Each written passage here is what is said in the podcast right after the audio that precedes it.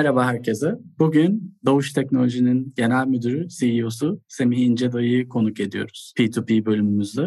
Doğuş Teknoloji'yi konuşacağız. Teknolojinin bugününü ve geleceğini konuşacağız aslında. Biraz uzun vadeli perspektifi olan bir program olacak. Spesifik bir konuya odaklanmayacağız. Semih Bey hoş geldiniz. Hoş bulduk. Uzun yıllardır sektördesiniz. Bir kısaca kendinizden bahseder misiniz? Bir kendinizi tanıtırsanız çok mutlu oluruz. Çok teşekkürler. Her şeyden önce beni konuk ettiğiniz için sizlere çok teşekkür ederim. Semih İnce dayı ben 88'den beri sektörde çalışmaktayım. Yaklaşık 34 yılda doldurdum. Geçenlerde bir bu mesleği seçeli ne kadar oluyor diye bakmıştım. 40 yıl evvel seçmişim ben bu mesleği. Ben bilgisayar mühendisiyim. Tabii o zamanlar çok az bilgisayar mühendisliği bölümü vardı e, Türkiye'de. ODTÜ mezunuyum ben. Dediğim gibi hani 40 yıldır bu işe gönül verdik ve gerçekten keyifle de çalıştığım bir meslek bu benim için. ODTÜ sonrası sonrası özellikle finans sektöründe bilgi işlem tarafında o zamanki ismiyle çalıştım. 10 yıla yakın Koç grubunda. O zamanlar Koç Bank'ta ismi. Daha sonra sektör değiştirip Telekom'a geçtim. 2001 ile birlikte. 2001'de ilk önce Telsim, sonra Borusan Telekom, en sonda Türksel Teknoloji'de üst düzey görevlerde bulundum. Son 4,5 senedir de Doğuş grubunda Doğuş Teknoloji'nin CEO'luğunu yapmaktayım. Dediğim gibi aslında işin en başından beri bu işin için içinde development'la başlamış bir kişiyim ve işin her kısmını gördüm ya da işte bir şekilde içinde bulundum. Bu sektörün en sonunda da işte son yaklaşık da 2000'den sonra da yaklaşık 20 küsür yıldır da bu işin üst düzey yöneticiliğini yapmaktayım. Tekrar hoş geldiniz. Çok mersi. Hoş geldiniz. Ben de ister istemez tabii LinkedIn'e bakmış bulundum. Benim yaşım kadar çalışmışsınız onu fark ettim. Ee, çok ciddi bir tecrübeden bahsediyoruz burada. Ben buradan şeyi sormak istiyorum. Kendi perspektifinizden doğuş teknolojiyi biraz anlatabilir misiniz bize? Teşekkürler. Şimdi Doğuş Teknoloji geldiğimde, yani 2018'de Şubat ayında başladım e, burada çalışmaya. O dönemde geçmişten alınmış bir kararla sadece Doğuş grubu şirketlerine hizmet veren bir teknoloji şirketiydi. Neyse ki teknoloji dışında Doğuş grubunun gerçekten çok önemli sektörlerde var olduğunu sizler de biliyorsunuz. Yaklaşık 70 yıllık bir inşaat geçmişi var Doğuş grubunun. Kuruluş e, şeyi orası zaten. Üzerine uzun bir dönem tabii bankacılık olmuş ama şu anda grupta o şekilde bir yapılanma yok bizim işte hospitality yani oteller, restoranlar, e, parakendecilik, e-commerce dediğiniz N11 ve onun ilişkisinde olduğu işte diğer alt şirketler, N11 Pro gibi, Garaj 11 gibi birçok farklı sektörde iş yapıyoruz. Daha sonra da tabii otomotiv bu işin kuruluş amaçlarından bir tanesi. Sektörümüzün en eski şu anda hani Doğuş Teknoloji'nin en eski 10 yıllık bir şirket bu arada Doğuş Teknoloji. Kurulduğundan beri en önemli işlerini otomotivde yapmış. Bunun dışında dışında araç muayene istasyonları, TÜVTÜRK'ler gene bizim alanımızda. Ve bütün bu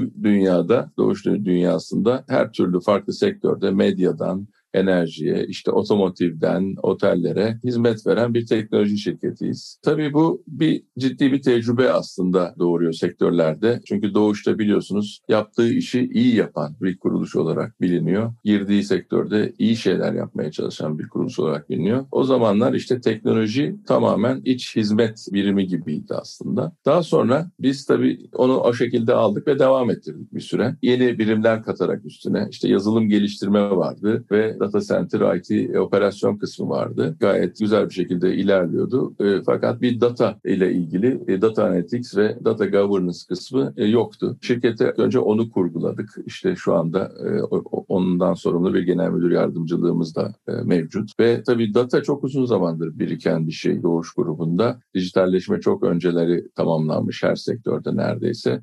Ve data sürekli toplanmakta. Ama bu datayı tekrar değere çevirmek hem müşteri tarafından, müşteri bakış açısından hem operasyonel bakış açısından değere çevirmek son zamanlarda üstünde çalışılan bir konu haline gelmişti. Biz bunu daha odaklanmak için e, dediğim gibi departmanlaştırdık ve Doğuş Teknoloji'nin içerisinde önemli bir yer edindi kendisine data analitik bölümümüz. Daha sonra da tüm bunlara baktıktan sonra aslında bu kabiliyetlerin, bu yeteneklerin dışarıda da aslında bir değeri olduğunu, teknolojiye ihtiyaç duyan bu sektörlerde birçok firma olduğunu, yurt içinde, yurt dışında, grubun dışında bunu da da göz önüne alıp ondan sonra 2021 e, yılı itibariyle aslında Doğuş Teknoloji'nin de dış grup dışı odağını başlatmış olduk. 2022 yılında teknoloji diğer sektörler gibi bir sektör haline geldi Doğuş Teknoloji. Grupta diğer sektörler gibi bir ana sektör haline geldi. Küçük teknoloji şirketlerimiz vardı. Related gibi veya işte e, Raiding gibi. Bu şirketlerimizde teknoloji dikeyinin altında birleştirildi ve e, bir teknoloji e, sektörü oluşturuldu. Bu şekilde yapılanmamız 2022 yılında tamamlandı ve bundan sonra da sadece yurt içi değil, yurt dışına doğru da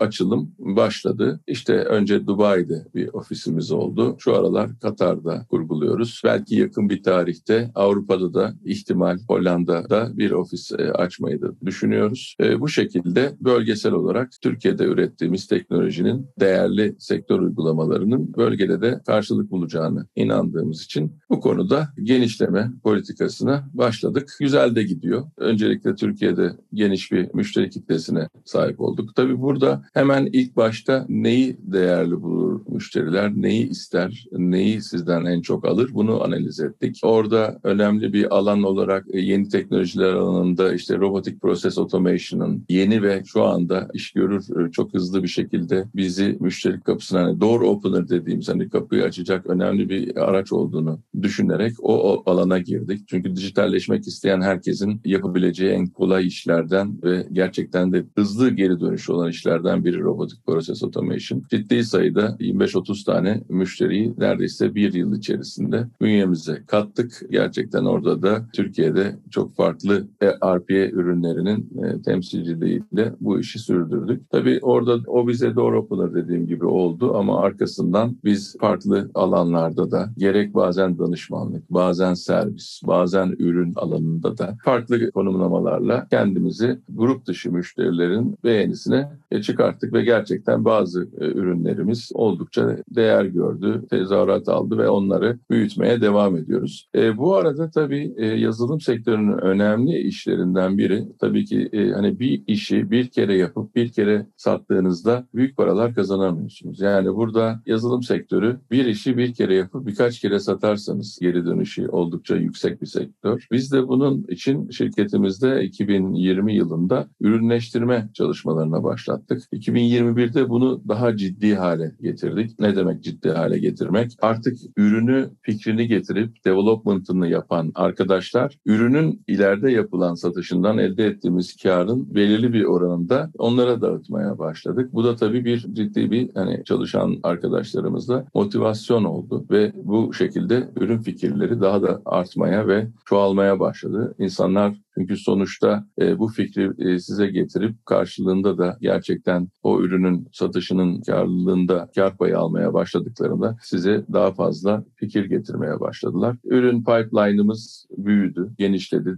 E, tabii bu da bizim seçim kriterlerimizin e, artmasına neden oldu. Bu sayede güzel ürünler, seçici ürünler, gerçekten müşterisi olan, sahada ihtiyaç duyulan ürünler yavaş yavaş çıkmaya başladı şirketimizden. Zaten buna güvenerek de birazcık bu dış yapılanmaya geçtik. Daha sonra bu dış yapılanmada biz bu ürünlerin bazılarının gerçekten spin-off olabileceğini düşünmeye başladık yavaş yavaş. Ve bu spin-off olabilecek ürünler yatırım da alabilirler. Çünkü startuplar aslında bu tür küçük spin-off'lar olduğunu düşündük ve gerek yurt içinde gerek yurt dışında yapacağımız bu spin-off'larla bu ürünlerimize yatırım alma planlarımız da var. Hani bunlar birer proje, birer hedef ama olabileceğine inandığımız, yazılım sektöründe farklı yaklaşımlar getirdiğini düşündüğümüz konular. Böylece ne? Şirketin içinden çıkan ürünleri, o içinden çıkan insanlarla birlikte spin-off edip daha sonra bu insanlara da belki öncelikle şimdi size söylediğim gibi kar payı dağıtarak yarın öbür gün neden belirli bir hisse oranı dağıtarak olmasın deyip bu şekilde bir yola çıktık. Bu da canlılık getirdi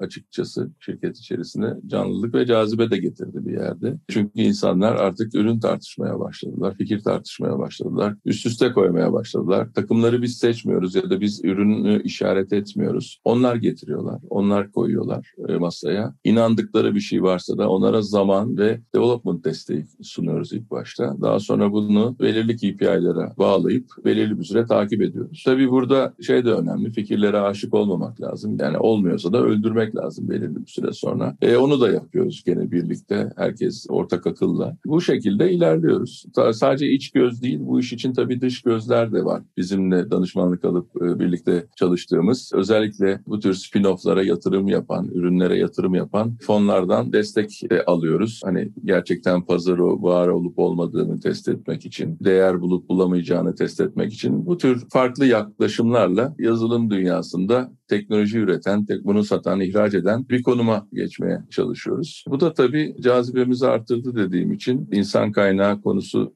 teknolojide çok önemli ve çok kolay da e, değil. Bu da yani bizim de amacımız zaten farklı uygulamalarla, farklı çıkışlarla cazip haline getirmek e, doğuş teknolojiyi. Bu birazcık e, cazibe kattı bize. Bunun da sonuçlarını aslında geleceğe giriş staj programıyla görmeye de başladık. Biz de geleceğe girişle ilgili belki daha evvel konuşmuşsunuzdur. Çok ciddi sayıda başvuru alıyoruz. Yaklaşık işte geçen sene 7500'dü bu sene 9000'lere çıktı. Türkiye'deki bütün üniversiteden başvuru aldık ki bu kadar üniversite olduğunu ben de bu başvurularla öğrenmiş oldum aslında. Yani teknolojiyle ilgili bölümü olan demek istiyorum. Tabii ki üniversite sayısı çok fazla da hani başvuru almanız için sizinle ilgili bir bölüm olması lazım orada. Şu anda geçen seneden kalan bir sürü e, arkadaşımız var. Uzun dönemli yapılıyor bizde stajlar, geleceğe giriş programları. Geçen dönemden kalan artık işte working student dediğimiz çalışan öğrenci programına doğru geçiş yapıyorlar önce. Ardından da kadroya geçiyorlar. Bu sene de yenileri geldi, başladılar. Geçenlerde kick-off'unu yaptık ve onlar da umarım bundan sonraki dönemlerini bizimle geçirirler. Okul döneminde de onların zamanına uygun bir şekilde isterse haftada birkaç saat olabilir ya da birkaç gün olabilir zamanlarına uygun bir şekilde birlikte çalışmaya devam ediyoruz. Onlarla da gerçekten iyi işler yaptığımızı görüyoruz. Onların da bize çok ciddi katkısı var. Türkiye'de teknoloji alanında insan yetiştirmek sadece üniversitelerin işi olmamalı. Böyle düşünüyoruz aslında. Üniversiteden çıktığında hangi konuda nasıl çalışacağını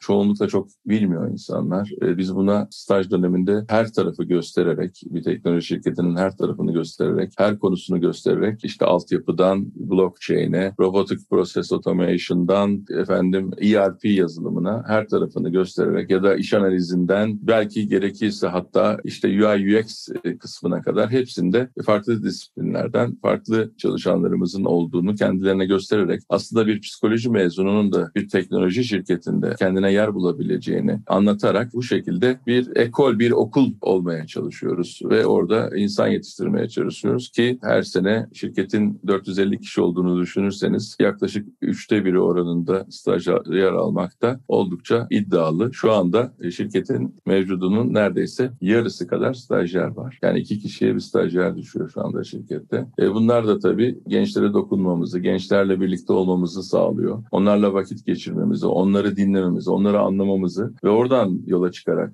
şirketin e, geleceğini şekillendirmemize ön ayak oluyor. Ve bundan da büyük keyif alıyoruz aslında. Çünkü gençler yani ben hep onu söylerim. Ben 40 yıl evvel bu mesleği seçmişim ama hani ben seçtiğimde internet yoktu. Ben bu mesleği e, yani ben büyüdüğüm zaman tek kanallı bir televizyonla büyüdük. Yani YouTube'lar işte yüz binlerce farklı şey izlemedik. Bir şekilde o dünyada büyüyerek şimdi teknoloji yönetmeye çalışıyoruz. Bunu bu şekilde tek başınıza böyle bir geçmişten geldiğiniz kendinizde düşünürseniz tek başınıza yaptığınızda başarılı olamayacağınız ortada. Yani dinlemeniz lazım, anlamanız lazım, uygulamanız lazım, şans vermeniz lazım. İşte bunları da yapmaya çalışarak aslında cazip, çalışılabilir, gerçekten insanların mutlu olduğu, hobisi gibi iş yaptığı bir yer kurgulamaya çalışıyoruz burada. Şu anda amacımız bu. Bu şekilde bir doğuş teknoloji anlatabilirim. İlk soru biraz uzun oldu ama geniş geniş cevapladım. O kadar güzel anlattınız ki.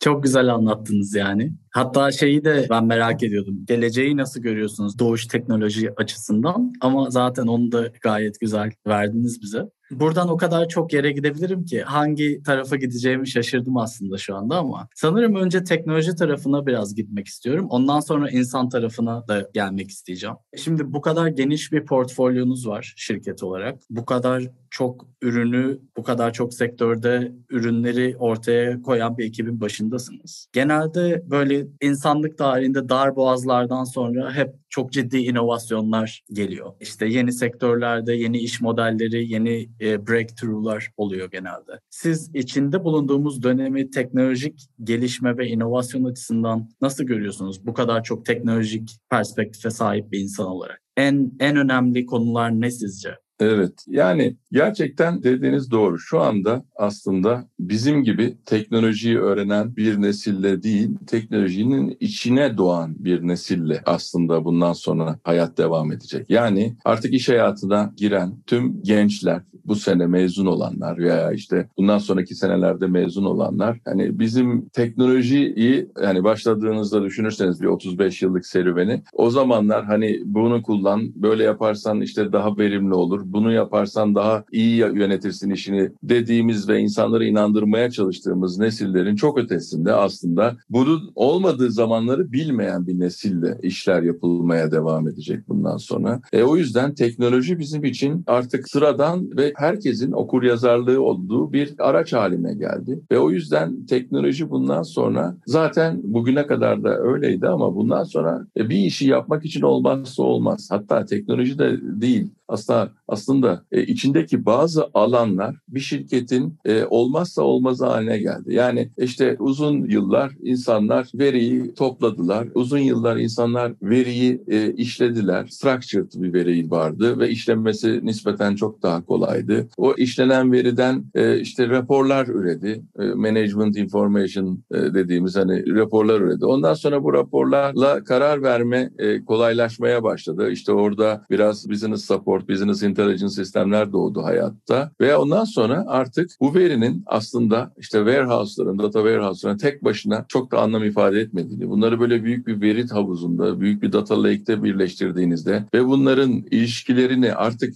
insan gözüyle değil de e, sadece insanların bildiği ilişkilerle değil de makinelerin bildiği machine learning ile bunların ilişkilerini kurgulamaya başladığınızda şunu görmeye başladı herkes ve gelecek aslında bazı alanlarda, bazı konularda konularda özellikle tahmin edilebilir hale gelmeye başladı. İşte işinizle ilgili tahmin edilebilir bir gelecek sunduğunuzda bu sefer işin yönetilmesi çok farklı olmaya başladı. Bizim kendi alanımızda dönersek bir otomotiv yedek parça deposunun 3 e, ay içerisinde hangi parçalara ihtiyaç olacağını tahmin ederek o depoda ürün bulundurmak ya da bir ne bileyim e, restoranın önümüzdeki e, bir hafta içinde kaç kişinin geleceğini tahmin ederek gün bazında, saat bazında bir iş yönetmek bundan evvelki yöntemlerin çok ötesine geçmeye başladı. Yani bundan evvel kimse önümüzdeki çarşamba çarşamba sizin doluluğunuz yüzde altmış olacak diyemiyordu. Ama şimdi deyip o yüzde altmışı nasıl yüzde seksene çıkartacağını düşündürtmeye başladık e, onu işleten kişilere. Yani e, işte çevrede bir event var, o evente sponsor mu olması lazım ya da bir event mi düzenlemesi lazım ya da bir kampanya mı yapması lazım ya da bir malın şu mal önümüzdeki 6 ay daha az satılacak dediğimizde ve karlıysa bunu nasıl yükselteceğini düşünmeye başladı artık insanlar. Yani hayatımıza giren bu tahminleme ve data analitik ve bu modelleme hayatımızı çok fazla değiştirdi geliştirmeye başladı. Bununla ilgili ürünler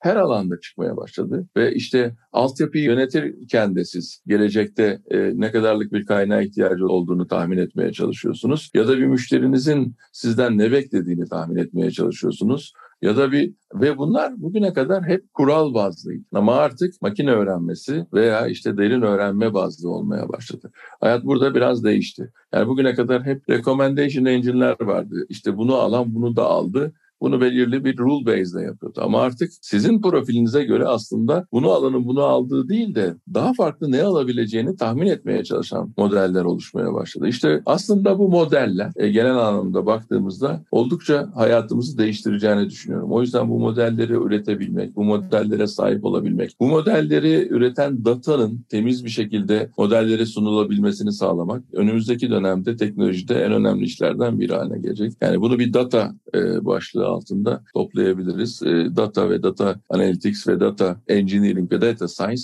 önümüzdeki en önemli teknolojik konulardan biri olacak ki biz de buraya çok ciddi yatırım yapıyoruz. E, diğer konular e, tabii e, herkesin de duyduğu, bildiği blockchain dünyası. Ve e, blockchain dünyasında da bir decentralized yapının birçok güven gerektiren konuda bunu sadece lütfen kimse sadece kripto olarak anlamasın. Biz bu işin kurumsal kısmına sahip çıkmaya çalışan bir şirketiz. Yani Doğuş Teknoloji olarak blockchain'in daha kurumsal dünyadaki kullanımlarının varlığının gelecekte çok olacağına inanıyoruz. Ne demek istiyorum? Yani işte bizim restoranlarımızda yemek yediğinizde bu yemek hangi e, çiftlikte bunun malzemesi üretilmiş, işte ne kadar gün depoda beklemiş, kaç günde önünüze çıkmış. Bütün bu zincirini arkadaki blockchain'de tutmak için e, girişimlerimiz var. E, keza e, benzer bir yapı bir araba sektöründe bu arabanın geçmiş kazaları ve işte ne bileyim servis ve bakımları neler olmuş bunu blockchain'de e, demokratik bir şekilde herkesin erişebildiği bir noktada e, gösterebildiğiniz zaman işin hani bazı sektörler disruptif bir şekilde değişiyor. Yani işin içine güvensizlik unsuru kalkmaya başladığında, güvenle sektöre girebilmeye yanaşmaya başladığınızda o zaman işte o premium şeye ulaşabiliyorsunuz offer'a. E, biz de onu çalışıyoruz aslında. E, bu şekilde blockchain'in kurumsal tarafına e, gelecekte yatırım yapmaya çalışıyoruz. E, tabii e, Metaverse dünyası herkesin konuştuğu, bildiği ve e, şey bir dünya. Hani bunun içinde olmazsan olmaz. Mutlaka orada da bir şeyler yapma ihtiyacı hissettik ama burada da öncelikle bu dünyayı anlayacak, bu dünyayı geliştirecek, e, bu blockchain'de de benzer bir şekilde Metaverse dünyasında da ve NFT'de bunları geliştirecek developerlar yetiştirmeye çalışıyoruz öncelikle. Yani şu anda ciddi sayıda bazı işte dünyadaki bu işleri yapan bazı kişilerle partner olarak bunlardan bir tanesi Avalanche, e, diğeri Tezos. Bunlarla development ekipleri kurduk. Ortak geliştiriyoruz. Bazı projeler yapıyoruz. E, bu işin ben yıllar evvel işte dediğim gibi hani bu işin eskilerinden biri olduğum için yıllar evvel akıllı telefonlar çıktığında nasıl mobil development'ın çok yakın gelecekte kıt kaynak olacağını görebilip ona göre ciddi sayıda insan e, yetiştirdiysek zamanında e, benzer bir şekilde bu blockchain dünyasının da development kısmının kıt kaynak olacağını görebiliyoruz bugünden ve developerları bugünden yetiştirmeye başladık. E, tabii bunların hepsini tutup bizimle birlikte çalışması bazen zor olabilir ama en azından teknolojinin bu alanda gelişeceğini düşündüğümüzden yarın öbür gün bu arkadaşlarımız bu konuda kendilerine iyi yerler bulacaktır diye de düşünerek bir yandan işin okul kısmı dediğim ilk başta size söylediğim okul kısmının bize düşen görevini de bir yandan yapmaya çalışıyoruz. Blockchain'in dışında işte NFT vesaire gibi konular dediğim gibi bunlar alt kümeleri. Oralarda da elimizde bazı şeyler var. Bunun dışında tabii Metaverse'ü biz sadece bir sanal dünya olarak ve sadece orada kalacak bir dünya olarak düşünmüyoruz. Bizim gibi aslında experience ekonomi tırnak içinde hani görürseniz yaptığımız işleri yani bir deneyim e, sunma olarak bunu görürseniz bizim sektörlerimizin e, önemli bir kısmını ki işte hospitality bunların başında geliyor aslında e, otomotiv servis bunlar hepsi bu deneyimi tasarlarken ya da işte bizim destination'larımız var Galata Port gibi işte İstinye Park gibi ya da işte diğer AVM'ler bazı AVM'ler gibi. E, şimdi buralardaki deneyim aslında baktığınızda deneyim sunulurken multidisipliner bir şekilde çalışmak gerekiyor. Her zaman söylüyorum alınmasınlar ben de mühendisim ama deneyim sunmak sadece mühendislerin işi olamaz, olmuyor. Yani olmamalı ya da öyle söyleyeyim. Çünkü insan var işin içinde. Bir işin içinde insan varsa sosyoloji, antropoloji, psikoloji gibi birimlerin de aslında multidisipliner bir şekilde bu işin içinde olması gerekiyor. Ve bu işin içinde bu birimlerin olmasıyla birlikte tasarladığınız deneyim mühendislerin o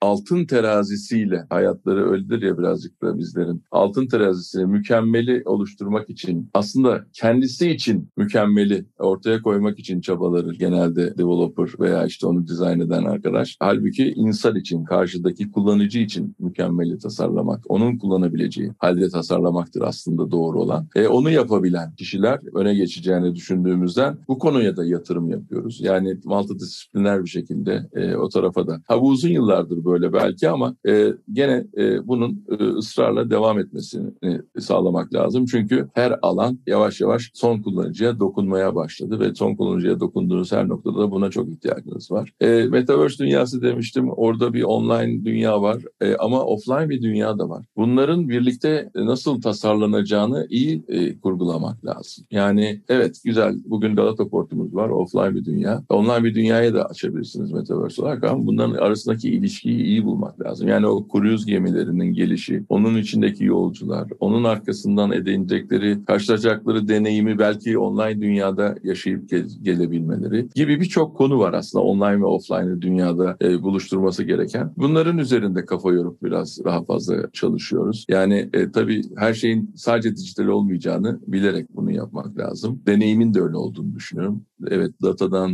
e, vesaireden müşteriyi tanıyacaksınız ama sonuçta sunduğunuz hizmet elle tutulur, gözle görülür, online'da olmayan bir şey olacak belki. Onu da iyi tasarlayabilmek için e, veriyi iyi kullanmaya, teknolojiyi iyi kullanmaya çalışıyoruz. E, bunun dışında tabii demin de bahsettim, işi insanın yapması yerine robotların yapması cazip hale geldi e, birçok alanda. Hem çok daha ucuza mal oluyor ve insana da aslında vakit kalıyor. Yani daha fazla yapabilecek iş zamanı kalıyor. Yani bir gün oturup bütün işte düşünürseniz bizim gençliğimizdeki şirketler işte bilmiyorum oraları yetişememişsinizdir de elektrik şirketleri o zamanlar tekti. Tek e, datasını şehirlerden toplar. Data entry e, diye şirketler vardı. Onlar böyle elle sisteme girer, faturalar kesilirdi. Şimdi o zamanları düşündüğünüzde Aa, ne güzel işte bir sürü data entry yapan insan iş buldu. Harika falan ama sonunda baktığınızda e, hayat öyle gitmiyor işte. Bugün de muhasebede e, bütün o faturaları elle gireceğim de işte onun sonucunda ne bileyim e, muhasebeyi tutturacağım. Bunlar artık bitti, bitiyor. Bunlar artık robotlar tarafından yapılır hale geldi birçok birçok iş. Ve onlar hayatımıza başta insanlar korkuyor ya işim elimden mi gidecek? Hayır. İşini daha kaliteli, daha kısa zamanda yapıp sana katma değerli iş yapacak zaman kalacak. Yani tabii onu yapacak kişiler için bunu söylediğim. E, bunu böyle düşünen kişiler için. E, biz bu, bu konuda da işin gelişeceğini düşünüyoruz. E, burada önemli bir konu da gene video, video analitik ve işte e, bunun ucundan e, türeyecek birçok konu var. İşin güvenlik tarafı ayrı, ürün analizi tarafı ayrı. E, bizim bugün içinde bulunduğumuz bu destination'ların data oluşturabilmek için kullanılacak e, güvenlik sistemleri artı video sistemleri ayrı. Burada da çok gelişmeler var, gelişmeler olacak ve insanların da burada rahatsız etmeden kişilik haklarına veya kişilik anonim bir şekilde bu insanların güvenli bir şekilde ortamda e, olabilmesi için birçok konu çalışılıyor her tarafta. E, biz de bu işlere bir şeyler yapmaya çalışıyoruz partnerlarımızla birlikte. E, video bu arada yani video, video analytics dediğim gibi önemli konulardan biri o zaten ve daha da fazla önemli hale gelmeye başlıyor ve gelecek. IoT bizim için önemli. E, tabii IoT deyince hemen herkes e, ya yıllardır var işte diye düşünebilirsiniz ama IoT'nin hiç girmediği ve şu anda girdiğinde ne kadar çok ihtiyacı olduğunu ve bugüne kadar nasıl da girmediğini düşünemediğiniz sektörler var. Ben size bir tanesini söyleyeyim inşaat. Yani bir inşaat sektöründe hem kişilerin hem makinelerin IoT'lerle, sensörlerle takip edilip işte hak edişlerinden yapılan işin kalitesine kadar birçok şeyin e, otomatik olarak üretilen veriden aslında e, değerlendirildiği sistemler öyle de düşündüğünüz kadar çok değil. Yani construction teknoloji e, yavaş yavaş özellikle bu IoT alanında gelişecek. Biz de buna yatırım yapmaya başladık ve devam edeceğiz bu konuda. E, hem Türkiye'de hem yurt dışında e, birçok biliyorsunuz e, şantiyelerimiz var ve grupta bunu başlatacağız ve daha sonra bunun grup dışında da özellikle construction'ın çok önemli olduğu bazı ülkelerde değer bulacağını gördük şimdiden. Buraya da yatırım yapıyoruz. Yapmaya da devam edeceğiz. Tabii sadece orada değil IoT enerjide de çok önemli. İşte bu özellikle enerji saving kısmında veya enerjinin gerçekten doğru kullanılması. Çünkü bu da bir scale resource ve çok da pahalı artık son zamanlarda dikkat ederseniz ederseniz e, boşa çalışan her şey aslında kurumların cebinden yiyor, karlılığından yiyor. E, bunlar için de kurumlar ciddi yatırımlar hatta yatırım yapmak değil de ciddi cost savinglerin peşindeler. Biz de bunları nasıl sağlarız? Tabii bunun peşindeyiz. Bununla ilgili çalışmalarımız sürüyor. Sürdürülebilir bir dünyaya herkes aslında hedefliyor. Yani insana saygı duyan, canlıya saygı duyan ve geleceğimizi çocuklarımıza güzel bir dünya bırakabileceğimiz bir hayalimiz var. O yüzden biz de bütün işlerin arkasına sürdürülebilirlikle ilgili hedefler koyduk. Doğuş Teknoloji'de ve Doğuş grubunda. Bütün bizim hangi şirketin hangi bölümünde çalışırsanız çalışın sürdürülebilirlikle ilgili hedefleriniz var. Yani ilgili bölümlerin hepsinin bu alanda yapabileceği bir şeyler olduğunu gördük ve buna da yatırım yapıyoruz. Çünkü neden yatırım diyorum? E bunların bazısı gelir getirmiyor ama ciddi anlamda size bu sizin bu dünyaya bir borcunuz aslında. Ve bu borcu ödemek için buna da yatırım yapıyoruz ve bu konuda teknoloji üretmeye de çalışıyoruz bir yandan. İşte atıklarla ilgili vesaireyle ilgili partnership'ler yapmaya çalışıyoruz. Yani önemli bir alanda bu sürdürülebilirlik ve buradaki teknolojiyle bu işin nasıl daha iyi çözümlenebileceği, konumlanabileceği yönünde. Buna da kafa yoruyoruz. Biliyorsunuz medya var bizim sektörlerimiz arasında önemli bir yer tutuyor. Artık medya tümüyle analog dünyadan dijital dünyaya doğru geçti. Ee, burada ciddi işler yapmaya çalışıyoruz.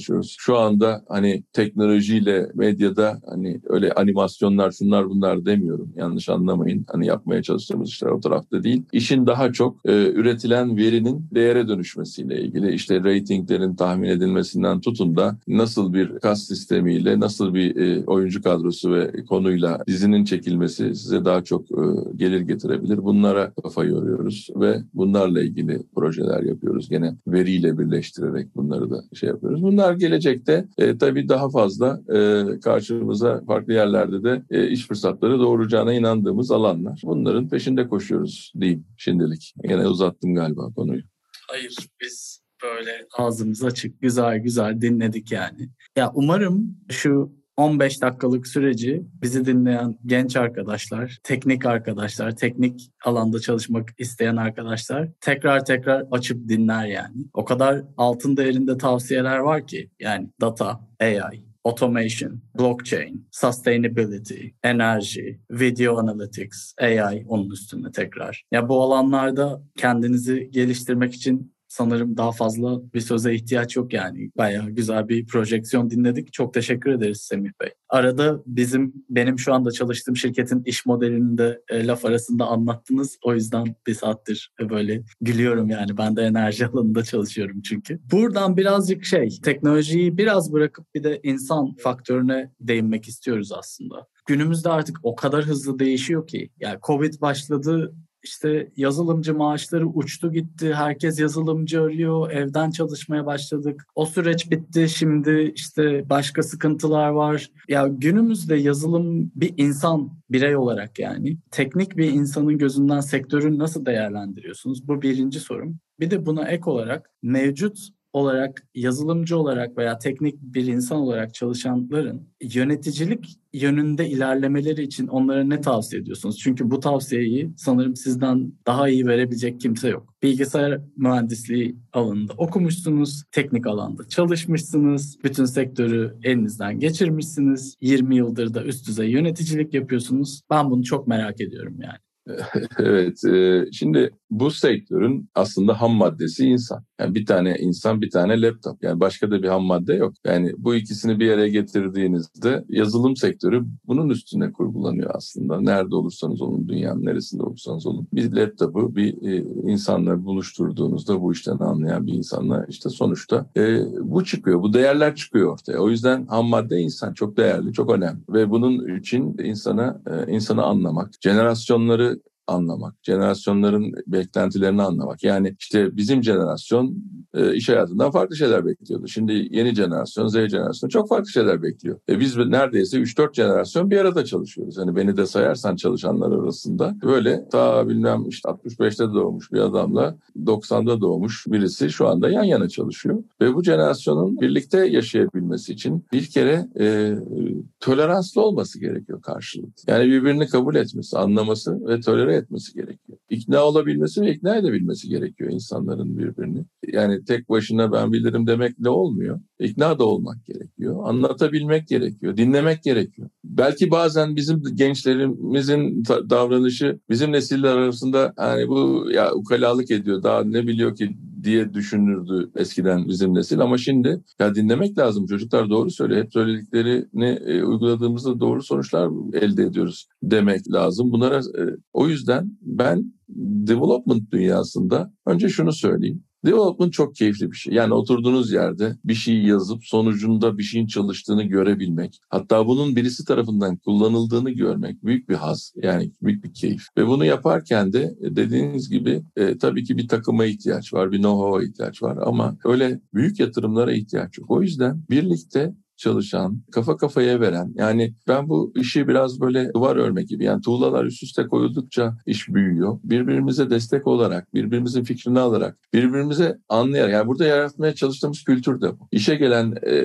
bir stajyer birinci gün burada e, ki ben bunu şirkette yaptığım işe girişten 3 ay sonra yaptığım birebir yani birebir değil de böyle 1'e 5, 1'e 10 toplantılar var kahvaltılı sohbetler dediğim. Eskiden yüz yüzeydi şimdi online oluyor çoğu ama burada hep görüyorum dayanışma burada çok önemli. Yani bilgiyi saklamak, bilgi benim olduğu sürece ben değerliyim kaygısından kurtulmak, bilgiyi paylaştığım sürece ben değerliyim modunda çalışabilmek çok önemli. O yüzden işte yazılım dünyası diğer hiçbir belki sektörde çok kolay karşılaşamayacağınız open source şeyin türetmiş. Yani bu paylaştıkça ve o dünyada birlikte bir şeyler yaptıkça işin büyümesi. Oradan duyulan haz çok önemli. Biz yazılım dünyasında ben uzun yıllar açıkça şunu da yaptım. Ben o kadar çok sevdim ki yazılım yazmayı. Beni yönetici yaparsanız ama yazılım yapmazsam yöneticiliği bırakırım dediğim anlarım oldu. Yani beni yönetici yaptıklarında bunu mutlaka e, masaya koydum. Yani ben bundan besleniyorum, bundan keyif alıyorum dediğim zamanlar oldu. Sonradan bıraktım tabii nesiller geldikçe benim ağırlığım, hızım e, bunlara yetmeyince bıraktım ama bunu yapmak çok keyifli. Ha bu aşamada şuna da dikkat etmek lazım. Hani yöneticilik diyorsunuz ya. Yazılım şirketlerinin hepsinde bence ki bizde bu var. Hepsinde bence teknik bir kariyer yolu da olabilir. Yani gerçekten herkes insanla yönetim insan yönetmekle çok mutlu olmayabiliyor. Yani çok iyi developerlarımı kaybettiğimi biliyorum onları yönetici yapan. Yani e, çok iyi bir developer, çok iyi bir yönetici olamıyor ve hatta ya ne kadar adamın o büyük gücünü kaybetmiş oluyorum. O da o da mutsuz oluyor ya ben bu kadar insanın sorunuyla ilgilenerek aslında verimli de olamadığımı düşünüyorum deyip e, ayrılıyor. Yani bunları da çok yaşadım ben. O yüzden kariyer yollarında uzmanlık olmalı. Ve bizde e, genel müdür yardımcılığının altında bir müdür seviyesi vardır ve bizim uzmanlarımız müdür seviyesine kadar rahatlıkla çıkabilirler. İnşallah genel müdür yardımcılığı seviyesine de çıkacaklar. Hani o tecrübede birisi şu an henüz daha olmadığı için çıkmamış vaziyetteler. Hatta yarın öbür gün genel müdür kadar maaş alan ve benefitleri olan insanlar da olabilir. İnsanla uğraşmayan ama işin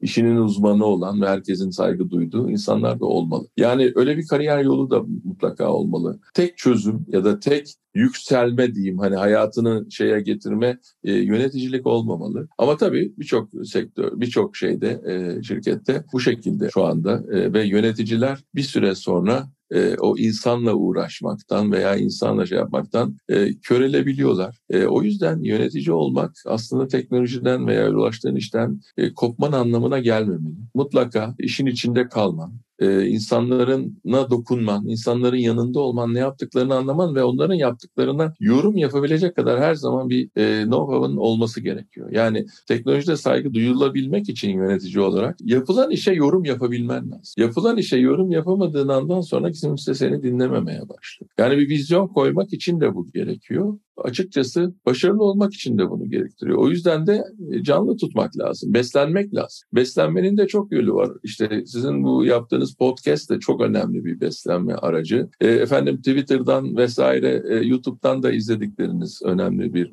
beslenme. Ama çalışma arkadaşlarınız da sizi besliyor ve onları iyi dinlemeniz lazım. Bunları çok iyi analiz etmeniz lazım. Bir de iyi analojiler kurmanız lazım. Yani bir yerde karşılaşılan bir şeyin başka bir yerde benzerinin olduğunu görmek ve oradaki çözümleri buraya uygulayabilmek de lazım. Ben bunları yöneticilik için gerekli olduğunu düşünüyorum ve yöneticinin önemli şeylerinden biri olduğunu düşünüyorum. İnsanı dinlemek, ikna olmak, ikna edebilmek, kendini yetiştirmek için tek kaynak ya da tek konu değil, çok konu ve işinde işin içinde mutlaka insanın olduğu çok şey yapması gerekiyor yöneticilerin. İnsanı anlayabilmek için teknolojiyi anlamak kadar da önemli bu bu arada. Çünkü onlarla yani kimse birbirinin sırtına basarak yükselemez. Yani herkes el ele tutuşarak birlikte yükseliyor. Bu, bunun böyle olduğuna inanırım ve böyle olduğunu gördüm hayatım boyunca. O yüzden el ele tutuştuğunuz, birlikte çalıştığınız insanların değeri, önemi çok önemli. Ve yani iyi bir yönetici olarak önemli bir şey de iyi insanlar yetiştirmekten geçiyor. Yani aslında konu ne olursa olsun bu böyle. Sadece teknolojide değil. Konu ne olursa olsun insan yetiştirmek lazım. Önce teknik olarak, sonra da yönetici olarak arkanızda e, mutlaka hani e, biri iyi bir yönetici mi diye sorguladığınızda belki de soracağınız tek soru kaç tane arkasından yetiştirdiği insan var olmalı. Yani e, kaç insan yetiştirdiyse aslında belki de o kadar iyi yönetici. Yani bunları da ben e, bu tecrübem sadece tabii teknoloji alanındaki yöneticilikten bahsetmiyorum. Belki bütün alanlara uygulanabilecek şeyler bunlar ama e, bunları ben kendimin e, hani e, en azından inandığım, e, bugüne kadar geldiğimde yaşadıklarımda gördüğüm tecrübe alanları olarak size bunları anlatıyorum. Tabii insanı anlamak için hep demin de söyledim multidisipliner olmak lazım. Mesela demin stajyerlerden bahsettim. E, benim iki tane stajyerim var. Biri psikolojik, birisi de sosyoloji alanında okuyorlar. Çünkü ben insanla uğraşıyorum aslında. Gençlerle uğraşıyorum. Onların ne beklediğini anlamam için e, onların içinden bu konulara kafa yoran insanlara ihtiyacım var. Onlarla çalışıyorum bazı konuları. E, bu şekilde aslında olmalı diye düşünüyorum. Siz konuşurken biz de ara ara arkada Uğur'la yazışıyorduk. Yani ne kadar doğru şeyler söylendiğini görüp hani kendimizden geçtik diyebilirim. Estağfurullah. Çok güzel noktaları temas ettiniz özellikle kariyerinde belli bir noktaya gelen kişilerin en çok sorduğu sorulardan biri olan yönetici olmak zorunda mıyım? Ki bu ara ara bize de gelen bir soru, Code Fiction'a da gelen bir soru. Çok ayrıntılı bir cevap verdiniz. Böyle yaklaşık bir saattir gerçekten özellikle benim arayıp öğrenmek istediğim bilgiler içeren çok keyifli bir sohbet içerisindeyiz. Eğer varsa son sözlerinizi alalım. Başarılar dilerim arkadaşlar. Bunu dinleyen herkesin de yaptığı işten keyif almasını bence önemli faktördür bu insan hayatında. Yaptığı işten keyif alması. Keyif almadığı zaman da gerçekten hayatı sorgulaması lazım. Çünkü önemli bir konu. İşe harcadığınız vakit hayatınızın e, bazen üçte biri bazen neredeyse yarısına denk geliyor zaman olarak. O yüzden keyif almak lazım. Hangi işi yaparsanız yapın bu böyle. Bizim işte neyse ki keyifli ve çünkü çok daldan dala geçebileceğiniz bir iş. İşte dediğim gibi ben işte mainframe'den çıktım geldim buralarda işte her tarafına dokunduk ettik. E, kendinizi e, yenilemeniz lazım. Bunu unutmayın. Bir de çok önemsediğim bir konu var. Bu işe giren dedim ya kahvaltılı sohbetler ya da çay kahve sohbetlerinde e, çocuklara sorduğum e, hobilerinizden de vazgeçmeyin. Kendinize de zaman ayırın. Yani bu hayatın önemli bir kısmı. İnsanın tabii ki işi çok önemli. E, inşallah herkesin işi, e, hobisini iş yapma fırsatı da doğar. O da işin ayrı bir konusu. Ama öyle olmayanlar için de hobilerinize vakit ayırın, kendinize vakit ayırın, sağlığınıza dikkat edin. E, bunlar da genel e, şeylerimiz. E, şimdi tabii insan bunun zamanın çok hızlı geçtiğini görünce bunları anlıyor. Bizler bunları paylaşmak, dost yazmak, dost edinmek e, çok önemli. İş hayatında da hani bu online dünyanın en e, zorlaştırdığı konulardan biri bu dost edinme kısmı. Yani bunu nasıl çözecek online dünya dünya bilmiyorum. Yani e, bu evden çalışma, herkesin evden çalışma isteği çok güzel. Ben de çok e, değerli buluyorum bu trafikte şey yapmak yerine ama yani bu dost edinmek, arkadaşlarla birlikte olabilmek, onlara dokunabilmek. Ya nasıl gidiyor bugün yüzün de düşmüş biraz. Bir şey mi moralin bozuldu mu diye Teams şeyi ya da bir Zoom şeyi yapamıyorsun yani adamın ne derler. Yani dokunamıyorsun. Ben bu konuyu çözmesi lazım bir şekilde bu sektöründe. Bizim sektör çünkü bu konuda en çok aslında e, işin içinde olan